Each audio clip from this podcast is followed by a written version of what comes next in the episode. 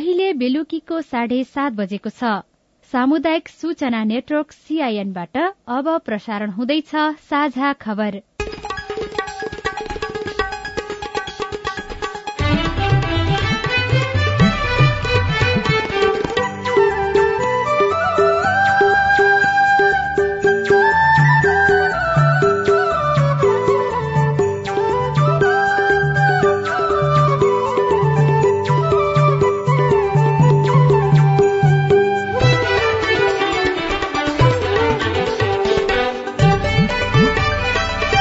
सीआईएनको साझा खबरबाट लील प्रकाश चन्दको नमस्कार। साझा खबर देशभरिका सामुदायिक radio CIN Khabar dot com सीआईएनको फेसबुक पेज र मोबाइल एप सीआईएनबाट सुन्न सकिन्छ।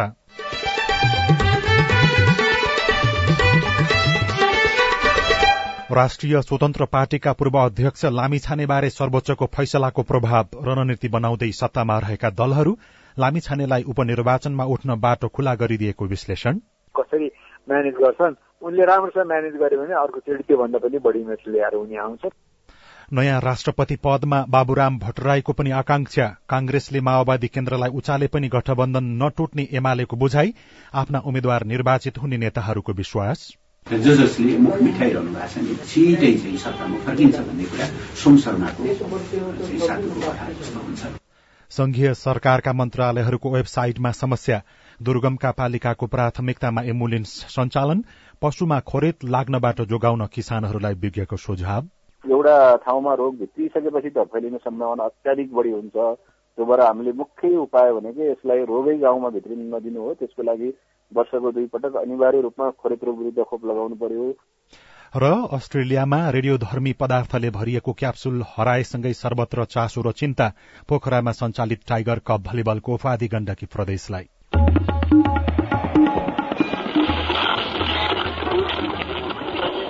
सयौं रेडियो। हजारौं रेडियो कर्मी र करोड़ौं नेपालीको माझमा यो हो सामुदायिक सूचना नेटवर्क सीआईएन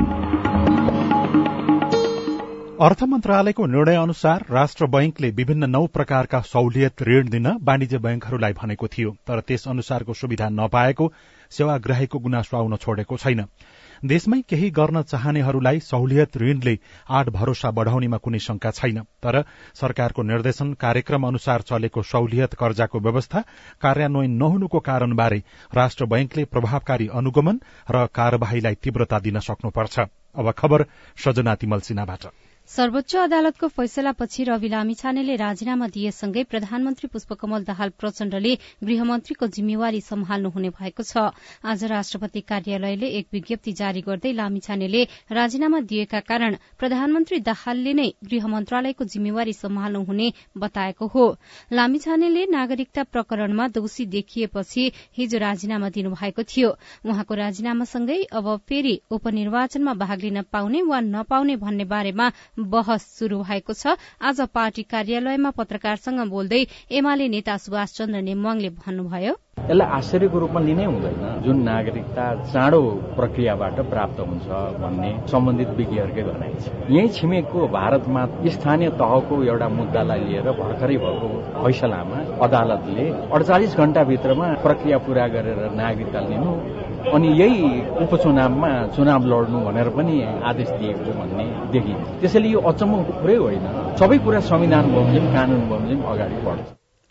प्रधानमन्त्री पुष्पकमल दाहाल प्रचण्डले पनि अब कसरी अघि बढ़ने भन्ने बारेमा सरकारमा रहेका दलहरूसँग अनौपचारिक अनौपचारिक छलफल गर्नुभएको छ। सीआईएनसँग कुराकानी गर्दै विश्लेषक जैनेन्द्र जीवनले उपनिर्वाचन भए र लामिछानेले उम्मेद्वारी दिएमा धेरै मत ल्याउन सक्ने टिप्पणी गर्नुभयो। अदालतले आफूले कानून न्याय कानून बमोजिम संविधान बमोजिम दिनुपर्ने फैसला दिएको छ।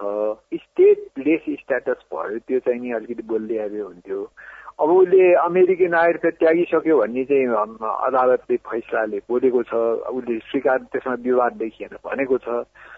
तर ऊ अब कहाँको त स्टेटलेस त हुँदैन कोही पनि राज्यविहीन त कोही पनि संसारमा हुँदैन। हाम्रो संविधानले पनि कोही हाम्रो नेपाली चाहिँ राज्यविहीन हुने ऊ गरेको छैन। के भन्ने एउटा चाहिँ अदालतको प्रश्न उसमा पनि प्रश्न चिन्ह खडा गरेको छ। अब त्यो पनि यथा समयमा अब कुनै बखतमा एक्सनमा जाँदाखेरिमा अब यस विषयमा नजिर बस्नुपर्ने देखिन्छ। सर्वोच्चको आदेशसँगै अब सत्ताको यो जुन जोड घटाउ गठबन्धन जुन बनेको छ अथवा एउटा जुन शक्ति निर्माण भएको छ यो भत्किने भयो भनेर पनि कतिपयले बाहिर टिका टिप्पणी गरिराखेका छन्। तपाईँलाई के लाग्छ? मलाई चाहिँ त्यस्तो लाग्दैन। राष्ट्रिय स्वतन्त्र पार्टीले चाहिँ नि त्यो त्यसलाई चाहिँ समर्थन दिउन्जेल तात्विक असर केही पनि देखिँदैन। अब रवि लामी छानेको भोलि चाहिँ नि फेरि इन्ट्री हुन सक्छ भन्ने कुरो मात्रै हो भित्रिनको लागि आउनको लागि यदि निर्वाचन भयो र उपनिर्वाचनमा उम्मेद्वार बन्ने स्थिति बन्यो भने सजिलो अप्ठ्यारो अथवा तपाईँ के देख्नुहुन्छ? रवि लामी छानेको धेरै शत्रु रहेछन् किन उसले त्यत्रो गैर शत्रु बनायो थाहा छैन। मिडिया फ्याटर्निटीमै पनि उनी त मिडिया म्यान हुन् नि त मिडियाबाट आएका। मिडिया फ्याटर्निटीमा थुप्रै देख्छु सामाजिक सञ्जालमा पनि थुप्रै देख्छु तर त्यसका बावजुद हामीले के भुल्नुहुन्न भनेदेखि अस्ति उनले चाहिँ नि एकजना व्यक्तिले लाखौँ मान्छे हजारौँ मान्छे चाहिँ चेतनमा जुटाएर ऱ्याली गरेका थिए। मैले अहिलेसम्म चाहिँ कुनै दलले सङ्गठित दलले बाहेक एउटा व्यक्तिले त्यत्रो मान्छे उठाएर ऊ गरेको देखेको थिइनँ। त्यो धेरै भएको छैन। अब छ महिनाभित्र चुनाव गर्दाखेरिमा अब चाहिँ त्यो लहर कायमै रहन्छ प्लस सहानुभूति वेब पनि आउला। त्यस कारणले चाहिँ के भने उनले अब कसरी म्यानेज गर्छन् उनले राम्रोसँग म्यानेज गर्यो भने अर्कोचोटि त्योभन्दा पनि बढी म्याच ल्याएर उनी आउँछ। फर्किएर राजधानी बनाएको यो ऊ यो कुरा आइरहन्छ। मलाई लाग्छ कि अब अदालतले गर्ने काम गरिसक्यो। अब योभन्दा बढ्ता चाहिँ यो चोरीको गेडामा पाल खोजेर चाहिँ कसरी के गर्दैनन्।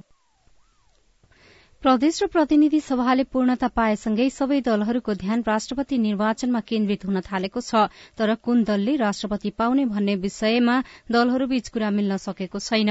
अहिलेको गठबन्धनसँग भएको सहमति अनुसार एमाले आफूले नै राष्ट्रपति पाउनुपर्ने दावी गर्दै आएको छ। त्यही अनुसार नेताहरूले अभिव्यक्ति पनि दिइरहेका छन्। नेकपा एमालेका उपाध्यक्ष सुभाष चन्द्र नेमवाङले यसअघि भएको सहमति अनुसार एमाले नै उम्मेद्वार खड़ा गर्ने दावी गर्नु भएको छ। उहाँले पार्टी केन्द्रीय कार्यालयमा बोल्दै सहमति अनुसार एमाले नै राष्ट्रपतिको उम्मेद्वार खड़ा गर्ने दावी गर्नुभएको हो। यस्तै नेकपा एमालेका उपमहासचिव प्रदीप कुमार गेवालीले नेपाली कांग्रेसले राष्ट्रपतिको दाउद ताक्नु धमिलो पानीमा माछा मार्ने काम हुने बताउनु भएको छ। प्रेस चौतारी नेपाल पाल्पा शाखाले आज तानसेनमा गरेको पत्रकार भेटघाटमा गेवालीले राष्ट्रपति एमाले नै पाउने दावी गर्नुभएको हो। तर प्रमुख प्रतिपक्षी दल नेपाली कांग्रेसले भने आफूले राष्ट्रपतिमा आफ्नो दावी नछोड्ने बताउँदै आएको छ। आज दिउँसोबाट अधिकांश सरकारी वेबसाइटहरू नचल्ने भएका छन्। GOV dot com dot NP server भएका सरकारी साइटहरूमा समस्या देखिएको हो। निर्वाचन आयोग प्रधानमन्त्री कार्यालय मन्त्रालयका साइट विभाग तथा सरकारी कार्यालय साथै प्रदेशका मुख्यमन्त्री कार्यालय जस्ता सरकारी साइटहरू आज खुल्न सकेका छैनन्। संघीय संसदको साइटमा पनि समस्या देखिएको छ। साइटहरू ह्याक भएको हुन सक्ने अनुमान गरिएको छ। यही साइटमा समस्या आएका कारण त्रिभुवन अन्तर्राष्ट्रिय विमानस्थलबाट हुने आवागमन पनि प्रभावित भएको छ। तर राष्ट्रिय सूचना तथा प्रविधि केन्द्रका सूचना अधिकारी रमेश प्रसाद पोखरेलले भने त्यो समस्या समाधान भइसकेको दावी गर्नुभयो।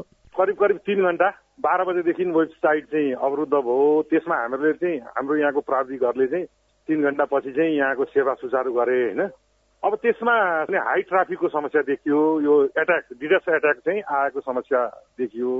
बाहिरबाट। अब यो जस्तो हामीहरूले चाहिँ अब भन्छौँ नि कहिले काहीँ कुनै वेबसाइट धेरैजनाले हेरिन्छ नि धेरैले दस हजारजनाले एउटा वेबसाइट हेर्दाखेरि तपाईँलाई त्यो वेबसाइटको चाहिँ वेबसाइट चाहिँ के हुन्छ बन्द हुन्छ तपाईँलाई होइन? सबैले हेर्न सक्दैन। यो खालको चाहिँ तपाईँलाई चाहिँ एट्याक आयो मल्टिपल ठाउँबाट एट्याक आयो।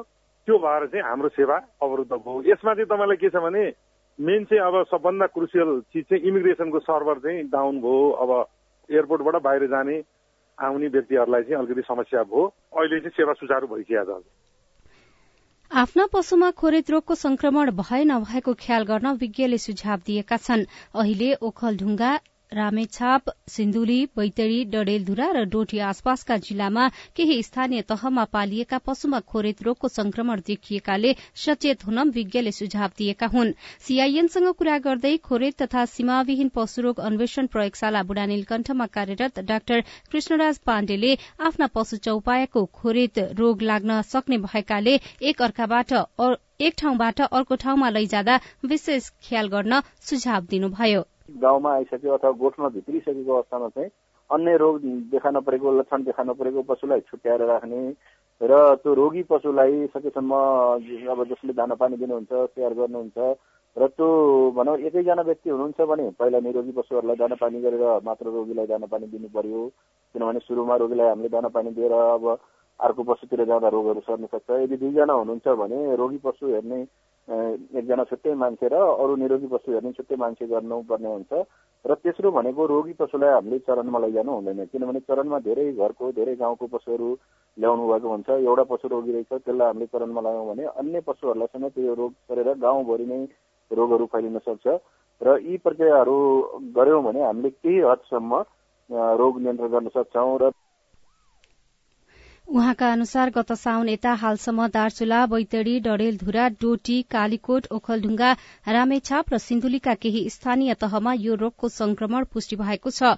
गत वर्ष पैंतालिस जिल्लाका पशुमा खोरेत फैलिएको थियो। खोरेत लागिसकेपछि यसको उपचार गर्न नसकिने भएकाले आफ्ना पशु चौपायालाई अनिवार्य खोप लगाउन पनि उहाँले आग्रह गर्नु भएको छ। खोरेत एक प्रकारको पशुहरूमा लाग्ने सरूवा रोग हो। यो रोग खास गरेर घरमा पालिने गाई भैंसी बाख्रा आदिलाई लाग्ने गर्दछ। साझा खबरमा अब विदेशको खबर। अस्ट्रेलियामा रेडियोधर्मी पदार्थ रेडियो एक्टिभ सिजियम एक सय सैतिसले भरिएको एउटा क्याप्सूल हराएको छ। एक ठाउँबाट अर्को ठाउँमा लैजाने क्रममा क्याप्सूल हराएको अन्तर्राष्ट्रिय संचार माध्यमले जनाएका छन्। क्याप्सूल कसैले छोएमा क्यान्सर र जलनको सम्भावना हुने भन्दै नछुन चेतावनी पनि दिइएको छ। उक्त क्याप्सूल कसैले देखेमा तत्काल अधिकारीलाई खबर गर्न पर्ने अग्नि नियन्त्रण तथा आपतकालीन सेवा पश्चिमी अस्ट्रेलिया राज्यले अनुरोध गरेको छ। र खेल खबरमा गण्डकी प्रदेश तेस्रो टाइगर कप अन्तर्राष्ट्रिय महिला तथा पुरूष भलिबल प्रतियोगिताको पुरूषतर्फको च्याम्पियन बनेको छ। पोखरा रंगशालाको कवड़हलमा आज भएको फाइनलमा विभागीय टोली नेपाल एपीएफ क्लबलाई तीन दुईको सेटमा पराजित गर्दै गण्डकी च्याम्पियन बनेको हो। यस्तै महिलातर्फको च्याम्पियन भने विभागीय टोली नेपाल एपीएफ क्लब बनेको छ। पोखरा रंगशालाको कवड़हलमा आजै भएको फाइनलमा अर्को विभागीय टोली त्रिभुवन आर्मीलाई तीन एकको सेटमा पराजित गर्दै एपीएफ च्याम्पियन बनेको हो। सजना तिमल सिन्हा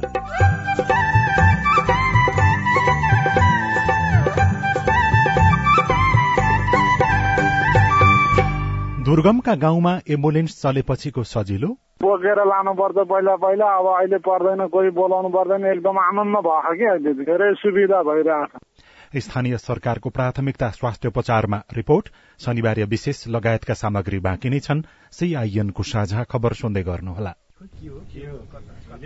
खै यतै कतै कतै भन्थे यता हो कि तल हो कि माथि कता? सर नमस्ते। हजुर नमस्ते नमस्ते। हजुर के सेवा गरौँ? सूचनाको हक भन्ने बारेमा रेडियो टिममा खुब सुनिन्थ्यो। हजुर। आज पालिकामा छिरेको बेलामा सोधिहाले हजुरलाई।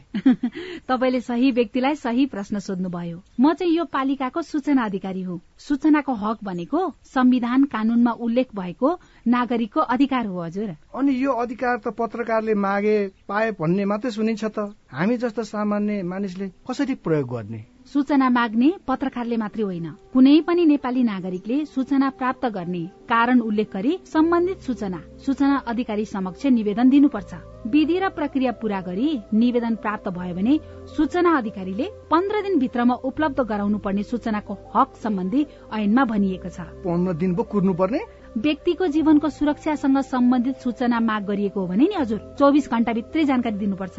अनि सरकारी वा सार्वजनिक निकायका अधिकारीले सूचना लुकाएमा पच्चिस हजारसम्म जरिवाना हुने व्यवस्था ऐनमा छ। त्यसका लागि चाहिँ राष्ट्रिय सूचना आयोगमा पुनरावेदन गर्नुपर्छ। अनि यो सूचना माग्दा पैसा पनि लाग्छ? लाग्दैन लाग्दैन। निवेदन उजुरी र पुनरावेदन गर्दा पैसा लाग्दैन।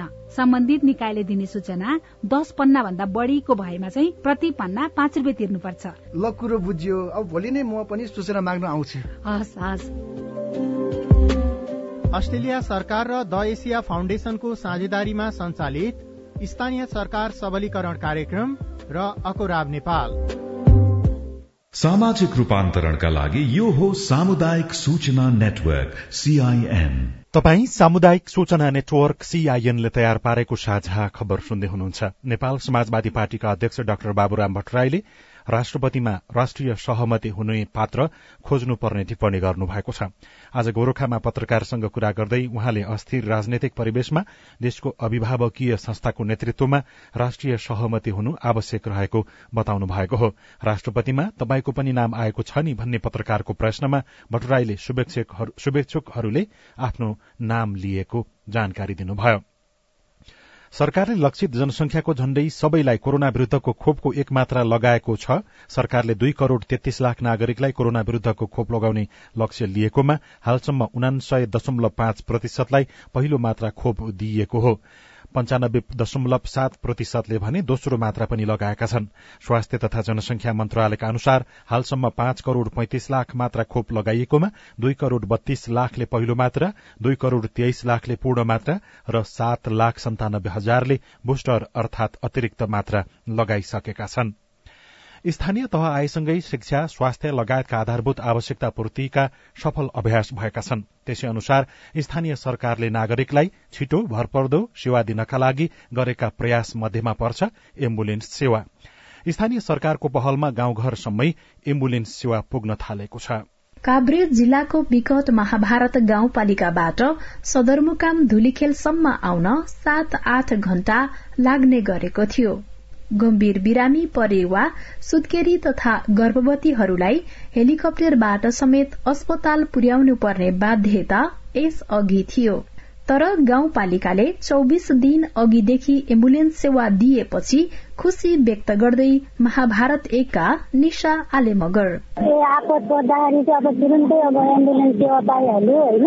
महाभारतमा त गाडीको व्यवस्था छैन नि त जतिखेर भने त्यतिखेर। अनि अब यतै भएपछि त फोन गर्दा पनि अब तुरन्तै आएपछि आफ्नो बच्चाहरूलाई बिरामीहरूलाई जो कोहीलाई पनि ल्याउन सक्छ नि त आपत पर्दाखेरि काभ्रेका तेह्रवटा स्थानीय तह मध्ये खानीखोला महाभारत भारत चौरी देउराली लगायत केही गाउँपालिकामा भौगोलिक विकटताले बिरामीले समयमा स्वास्थ्य सेवा पाउँदैनन्।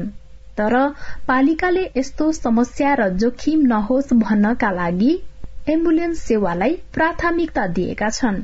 रोसी गाउँपालिका वडा नम्बर एक खहरे पागोका जितमाया तामाङ। नजिकै एम्बुलेन्स हुँदाखेरि त कति नै सजिलो हुने नि। अब यताउतिको गाडी नम्बरहरू थाहा नहुने है। अनि आफ्नो घरमा मान्छे हुँदैन। केटा मान्छेहरू हामी आइमै मात्रै हुन्छ। अनि काभ्रेको बेथान्चो गाउँपालिकामा एम्बुलेन्स सेवा सञ्चालन भएको पाँच वर्ष भयो। यसबाट भइरहेको फाइदा बारे बताउँदै बेथान्चोक दुईका दिनेश तिमल सिन्हा। अब एम्बुलेन्स नभए त लान सम्भवै हुँदैन। अलि हाम्रो गाउँबाट अलिक टाढै पर्छ होइन? बोकेर लानु पर्छ पहिला पहिला अब अहिले पर्दैन कोही बोलाउनु पर्दैन। एकदम आनन्द भयो कि अहिले धेरै सुविधा भइरहेको छ स्वास्थ्य कार्यालय काभ्रेका अनुसार हाल जिल्लामा चौतिसवटा एम्बुलेन्स सञ्चालनमा छन्। स्वास्थ्य कार्यालय काभ्रेका प्रमुख डाक्टर पुरूषोत्तम सिढाई। अब अहिले चाहिँ नि अब धेरै चाहिँ जिपिएसमा चाहिँ नि नेटवर्किङमा छ। केही पालिकाहरूको चाहिँ नि जिपिएसमा छैन। अरू चाहिँ जिपिएसमा काम गरिरहेछ। एम्बुलेन्सका सबै चालकलाई आपतकालीन प्राथमिक सेवा कसरी दिने भन्ने बारेमा पालिकाहरूले तालिम दिएका छन्। Shobha Humagain CIN radio Roshi Kavre Palanchok. साझा खबरमा अब हेलो सीआईएन अविनाश आचार्यबाट। नमस्कार मेरो नाम नरेश कुमार यादव। सर्लाही जिल्ला कविरासी नगरपालिका छबाट बोलिरहेको छु। एउटा केटीसँग म उनकै इच्छा अनुसार शादी गरेको छु। त्यसको आमा बुबाको पहिचान अहिलेसम्म भएको छैन। एउटा बच्चा पनि पाइसकिएको छ। अब यसको नागरिकता बनाउनेको लागि के गर्नुपर्छ? यस्तो अवस्थामा नागरिकता पाउन सक्ने आधार रहन्छ कि रहँदैन? सर्लाहीका सहायक प्रमुख जिल्ला अधिकारी हरिप्रसाद अधिकारी। इन्डियाको हो कि नेपालको हो? केही पनि कुरो खुलेन होइन? त्यस भएर अब केही कोही न कोही कहीँबाट आएको उहाँको चाहिँ काका बाउ अब ठुलो बाउ सानो बुवा अथवा कसैले केही न केही चाहिँ पहिचान खोल्नुपर्छ कि? अहिलेको कानुनले स्पष्ट त्यो भन्छ। अब अहिले चाहिँ स्पष्ट यसरी दिन सकिने अवस्था छैन। अहिले अर्को एउटा जिज्ञासा पनि नागरिकता बारे नै छ। नागरिकता बनाउँदाखेरि नागरिकतामा सादा फोटो टाँस्ने ठाउँमा रङ्गिन फोटो टाँस्दा हुन्छ कि हुन्न भन्ने विषयमा बुझ्न खोजिराखेको छु। तपाईँलाई यसबारे जानकारी गराउँदै हुनुहुन्छ गुल्मीका सहायक प्रमुख जिल्ला अधिकारी हरिप्रसाद गैरे। उहाँले यो प्रतिलिपि निकाल्नु पर्ने हुन्छ। अब हामीले फोटो छुट्टै टाँस्ने भन्ने हुँदैन। प्रतिलिपिलाई उहाँ वडा कार्यालयबाट सिफारिस गरेर आउनुभयो भने हामीले प्रतिलिपि दिन्छौँ त्यो फोटो रङ्गिन हुन्छ तर त्यसको चाहिँ पर्दा सेतो कलरमा खिच्नुपर्ने हुन्छ रातो कलरमा होइन? त्यो चाहिँ वडाबाट सिफारिस गरेर उहाँले प्रतिलिपि लागि आउनुभयो भने हामीले कार्यालयबाट प्रतिलिपि जारी गर्छौँ। हाम्रो जिमेल ठेगाना Sajha Khabar at the rate Gmail dot कममा मिशन परियार नाम गरेका नुवाकोटका एकजना श्रोताले जिज्ञासा पठाउनु भएको छ। बागमती प्रदेश अन्तर्गत नै रहेको जिल्ला धादिङमा नेपाल सरकारको नयाँ तलब स्केल अनुसार मासिक त्रिचालिस हजार छ सय उनानब्बे रूपियाँ पाएको थिए। तर सोही प्रदेशको नुवाकोटको दुप्चेश्वर गाउँपालिकाका कर्मचारीहरूसँग सोद्धा पुरानो तलब स्केल मासिक सैतिस हजार नौ सय मात्र हो भन्नुहुन्छ। बागमती प्रदेश अनुदान अन्तर्गत मावि तहका शिक्षकको तलब सुविधा कति हो? यसबारे हामीले बागमती प्रदेशको सामाजिक विकास मन्त्रालयका प्रवक्ता रुद्रहरि भण्डारीसँग सोधेका छौं। मावि अहिले जति नेपाल सरकारको जति तलब स्केल छ सुरु तलब स्केल त्यही अनुसारको तलब स्केल अनि दुप्सेश्वरमा उहाँले कम पाउनु भएको छ भनेपछि अब पाउन त पालिकाले चाहिँ के गरे हो हामीले पालिकालाई पनि निर्देशन पठाइसकेको कुनै अरू ठाउँबाट पनि त्यसरी पालिकाले आफ्नो ढङ्गले चाहिँ तलब दिएको देखियो अनि त्यहाँ त्यो नगर्नु भनेर हामीले वेबसाइटमा निर्देशन पठाइसक्यौँ हाम्रो वेबसाइटमा त्यो निर्देशिका पनि राखिदिइसकेका छौँ।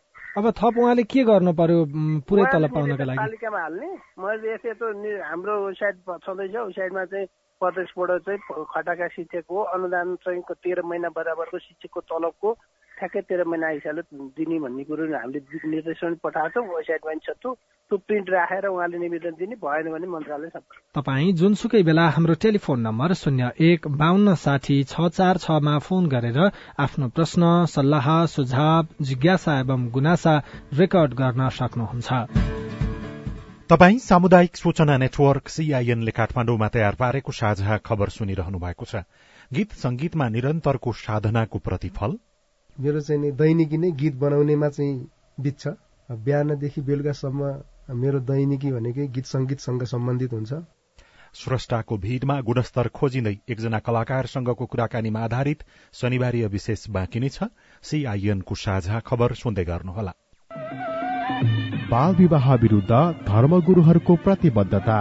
वैदिक साहित्यमा बाल विवाह छैन। बाल विवाह हाम्रो मण्डली अन्तर्गत भएको छैन। हाम्रोमा बाल विवाह हुँदैन। यो मुद्दुमले भनेको कुरा हो र हाम्रो व्यवहारमा त्यस्तो नै छ।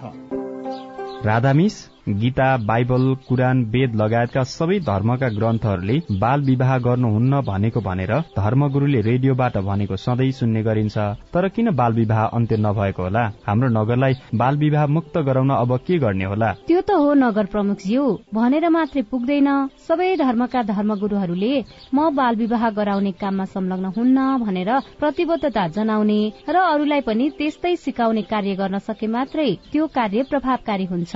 अनि बाल विवाह विरूद्ध काम गर्ने संघ संस्थाहरू र तपाईँहरू जस्ता स्थानीय सरकारले पनि धर्मगुरू र धार्मिक अगुवाहरूलाई यो अभियानमा सँगसँगै सहभागी गराएर अघि बढ़ाउन सके। बाल विवाह लगायतका हानिकारक परम्परागत अभ्यास अन्त्य गर्न सकिन्छ।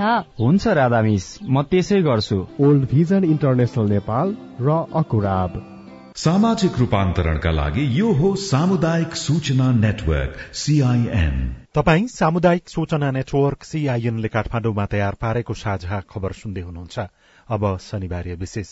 बाध्यताले व्यक्तिलाई जहिले किनारमा राख्दैन। इच्छा र लगाव हुने हो भने जीवनमा सफलता प्राप्त गर्न सकिन्छ। नेपाली गीत संगीतमा पैसा र पहुँचका आधारमा गीत लेख्ने गाउने र त्यसैलाई बजाउने प्रवृत्ति बढ़ेको चर्चा भइरहँदा मेहनत र अरूको भन्दा फरक पहिचान बनाएका कलाकार पनि थुप्रै भेटिन्छन्। तिम्रै झल्को आउँछ मेरी निर्माया।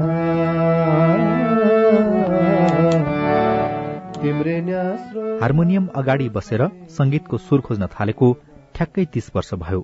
बिबी अनुरागीको संगीत साधना उही गतिमा चलिरहेको छ। मेरो धर्म कर्म भनेको चाहिँ गीत बनाउने हो। मेरो पेसा पनि त्यही हो काम पनि त्यही हो रुचि पनि त्यही हो।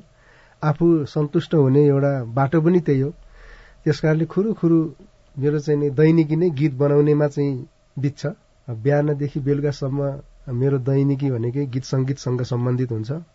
हे आहा कैलासैबाट जोगीमा झर्यो रिमै काँधैमा तिरासुल अनुरागीको संगीतमा झण्डै दुई हजार गीत रेकर्ड भएका छन्। यो सफलताका लागि उहाँले निकै संघर्ष गर्नु पर्यो भात भान्सा र मेलापातमा गुनगुनाइरहने आमाको बानीले अनुरागीलाई संगीतप्रतिको मोह बढायो। चौतारी छाया हितैको माया रेशम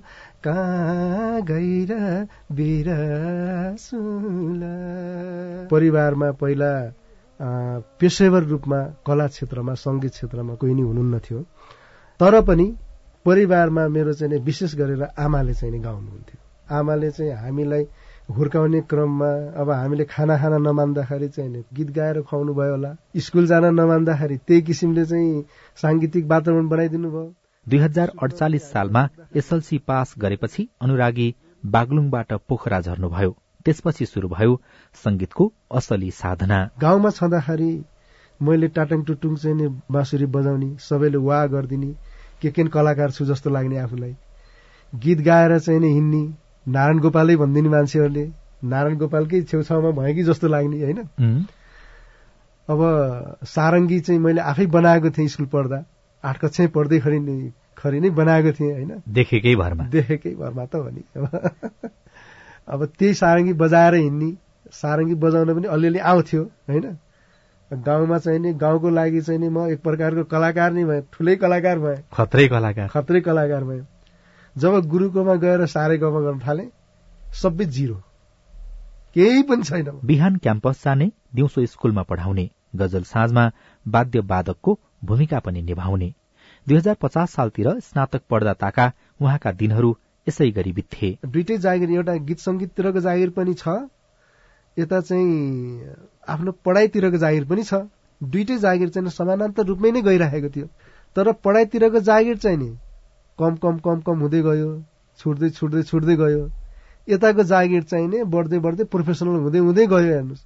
त्यसरी म चाहिँ पेसेवर रूपमा चाहिँ एउटा सङ्गीतकर्मी बने। पहिलो पटक सङ्गीत भरेको कुनै गीत याद छ तपाईँलाई अहिले? मेरो माया नकुल छ त्यसरी भन्ने। मेरो माया नकुल छ त्यसरी ए मायालु। यस्तो टाइपको गीत छ क्या? दुई हजार चौन्न सालमा रेकर्ड भएको एउटा गीत बिबी अनुरागीको संगीत यात्रामा घुम्ती बन्यो। त्यस यता उहाँले पछाडि फर्केर हेर्नु परेको छैन। उडेर जुन छुन्छु भन्थे तर आज पिंजडाको चरी बागलुङबाट पोखरा झरेको दश वर्षमा जीवनमा धेरै परिवर्तन आए। अध्ययन गायन र अध्यापन चलिरहँदा बेला बेलामा काठमाडौँ आउनु पर्थ्यो। काठमाडौँ आउने क्रममा दुई हजार पचपन्न सालपछि गायक नारायण रायमाझीसँग भेट भयो। आफ्नो स्टुडियोमा काम गर्न गरेको आग्रह उहाँले स्वीकार्नुभयो। त्यसपछि उहाँको गायन यात्रा झनै सजिलो भयो। अनुरागी संगीत भर्नु अघि अचेल शब्द तौलनुहुन्छ सबभन्दा पहिला चाहिँ शब्दले छुनुपर्छ। जस्तो चाहिँ शब्द हेरिसकेपछि त्यो शब्द चाहिँ कुन परिवेशको हो? मान्छेहरू भन्छन् एक नजरमा माया बस्ने भने जस्तो कि शब्दसँग माया बस्ने कुरा। शब्दसँग माया चाहिँ एकै नजरमा बस्छ। तर त्यसको मेलोडी निस्किनको लागि केही समय चाहिँ लाग्छ। जहाँ तिमी त्यहाँ हुन नपाउँदा तिमी रुँदा तिमी सँगै रुन नपाउँदा माया बोक्ने मुटुने गोर्खापल्टन परदेशी दृष्टिकोण लगायतका चलचित्रमा अनुरागीले पार्श्व संगीत भर्नु भएको छ। गीत संगीत सृजनासँगै बेला बखत भइरहने मेला महोत्सव अनि सांगीतिक प्रतिस्पर्धामा मूल्याङ्कनकर्ताको भूमिका पनि निभाउनुहुन्छ। अनि नेपाली मौलिक लोक संगीतको अध्ययन र संरक्षणमा उहाँको विशेष चासो छ। नेपालकै रागहरू भनेको चाहिँ ती पुराना चाहिँ जुन संस्कृतिमूलक चाहिँ गीतहरू छन् नि जस्तो अब चाहिँ नि सोरठी गीत भन्छौँ। त्यो सोरठी एउटा छुट्टै किसिमको राग छ त्यो। मौलिक राग हो। घाटु भन्छौँ। घाटु चाहिँ त्यस्तै मौलिक राग हो। नोट चाहिँ नि हेर्ने भने चाहिँ नि यता क्लासिकल जुन हामीले पढिने रागको चाहिँ नोटहरूसँग मिल्छ तर गायन शैली चाहिँ एकदमै फरक छ। दुई हजार एकाउन्न सालबाट लोकगीत हुँदै अनुरागी सांगीतिक क्षेत्रमा छिर्नु भएको हो। गीत संगीतको श्रोता शुभचिन्तक हुँदै सर्जक बन्नुभएका उहाँ पछिल्लो पुस्तामा धैर्यता नदेख्दा केही निराश पनि हुनुहुन्छ। छिटो छिटो चाहिँ अलिकति भाइरल भएर अलि त्यस्तो खालको अलि हाहु गर्ने खालको होइन? विभिन्न चाहिँ कला देखाएर भन्दा पनि चर्ती कला देखाएर अलिक बढी चाहिँ नै छिटो बिक्ने भन्ने एउटा चलन जुन आइरहेछ त्यो त्यति राम्रो होइन। ममा पनि जलन छ तिमीमा पनि जलन छ अनुरागीको बुझाइमा संगीत साधना मात्रै होइन धैर्यता पनि हो। अनि अनुशासन भएन भने कुनै पनि कलाकारको संगीत यात्रा दिगो हुन नसक्ने उहाँ बताउनुहुन्छ।